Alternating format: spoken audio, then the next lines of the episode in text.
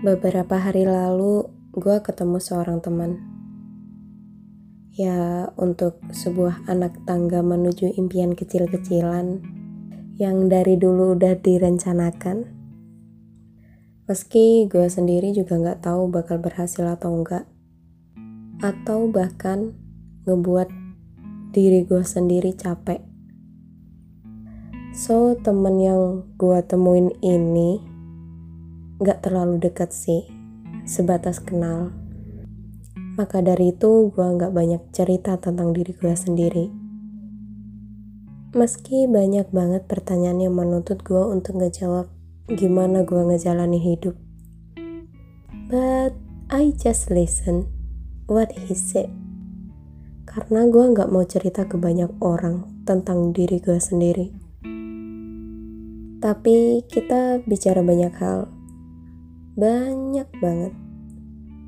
Sampai ada satu pertanyaan yang benar-benar bikin gue diem. Pertanyaan dan pernyataan yang bikin gue speechless. Temen gue nanya, lo punya seseorang buat cerita? Gue langsung minum kopi yang udah lama dingin. Gue nggak ngejawab, cuma senyum meskipun maksa. Tapi gak lama kemudian gue jawab pertanyaan itu meski sebenarnya gue bener-bener gak mau jawab. Gue jawab, punya diri gue sendiri.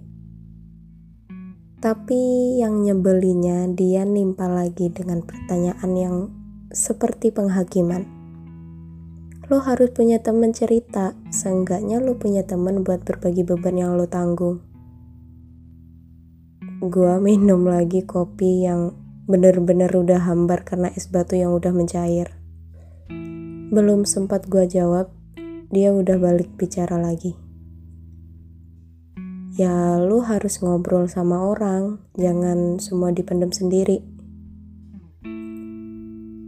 Ini kenapa gue gak suka ngobrol sama manusia. Gue terlalu jelas dibaca. Meski gue gak pernah bicara, mata gue udah gambarin dengan jelas. Emang waktu itu gue gak nangis. Tapi bisa gue pastikan, mata gue udah merah banget. Lucu sih. Rasanya kayak udah lama banget gak cerita sama manusia tiap hari cuma ngadepin konflik antara percakapan diri sendiri dengan cermin atau ngobrol sendiri di jalan. Aneh sih.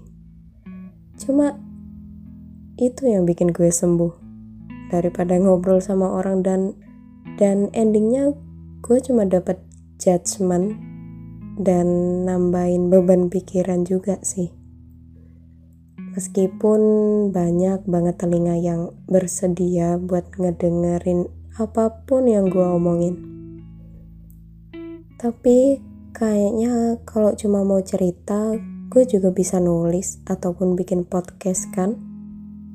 Gak berharap ada yang mau baca ataupun yang mau dengar. Karena emang sebagian dari tulisan gue sendiri adalah cara buat sembuh and still alive. Tapi yang paling menyebalkan, gue cuma manusia yang bener-bener gak bisa hidup sendirian. Seenggak maunya gue buat cerita sama orang lain, ada beberapa waktu buat gue juga perlu saran dari orang lain. Nyebelin sih, karena gue nggak bisa nyelesain sendiri. Dan waktu gue mutusin untuk meminta saran ke orang lain that's mean konflik dalam diri gue sendiri udah pada titik jenuh. Yang udah nggak bisa ngambil keputusan karena gue emang terlalu penakut. So buat beberapa temen yang sudah gue percaya sebagai penasehat atau apa pun itu thank you banget sih Tapi lain kali jangan maksain gue buat cerita ya. Cause sometimes kamu kenapa? Pertanyaan itu bisa ngebuat pertahanan gak papanya gue bisa langsung runtuh.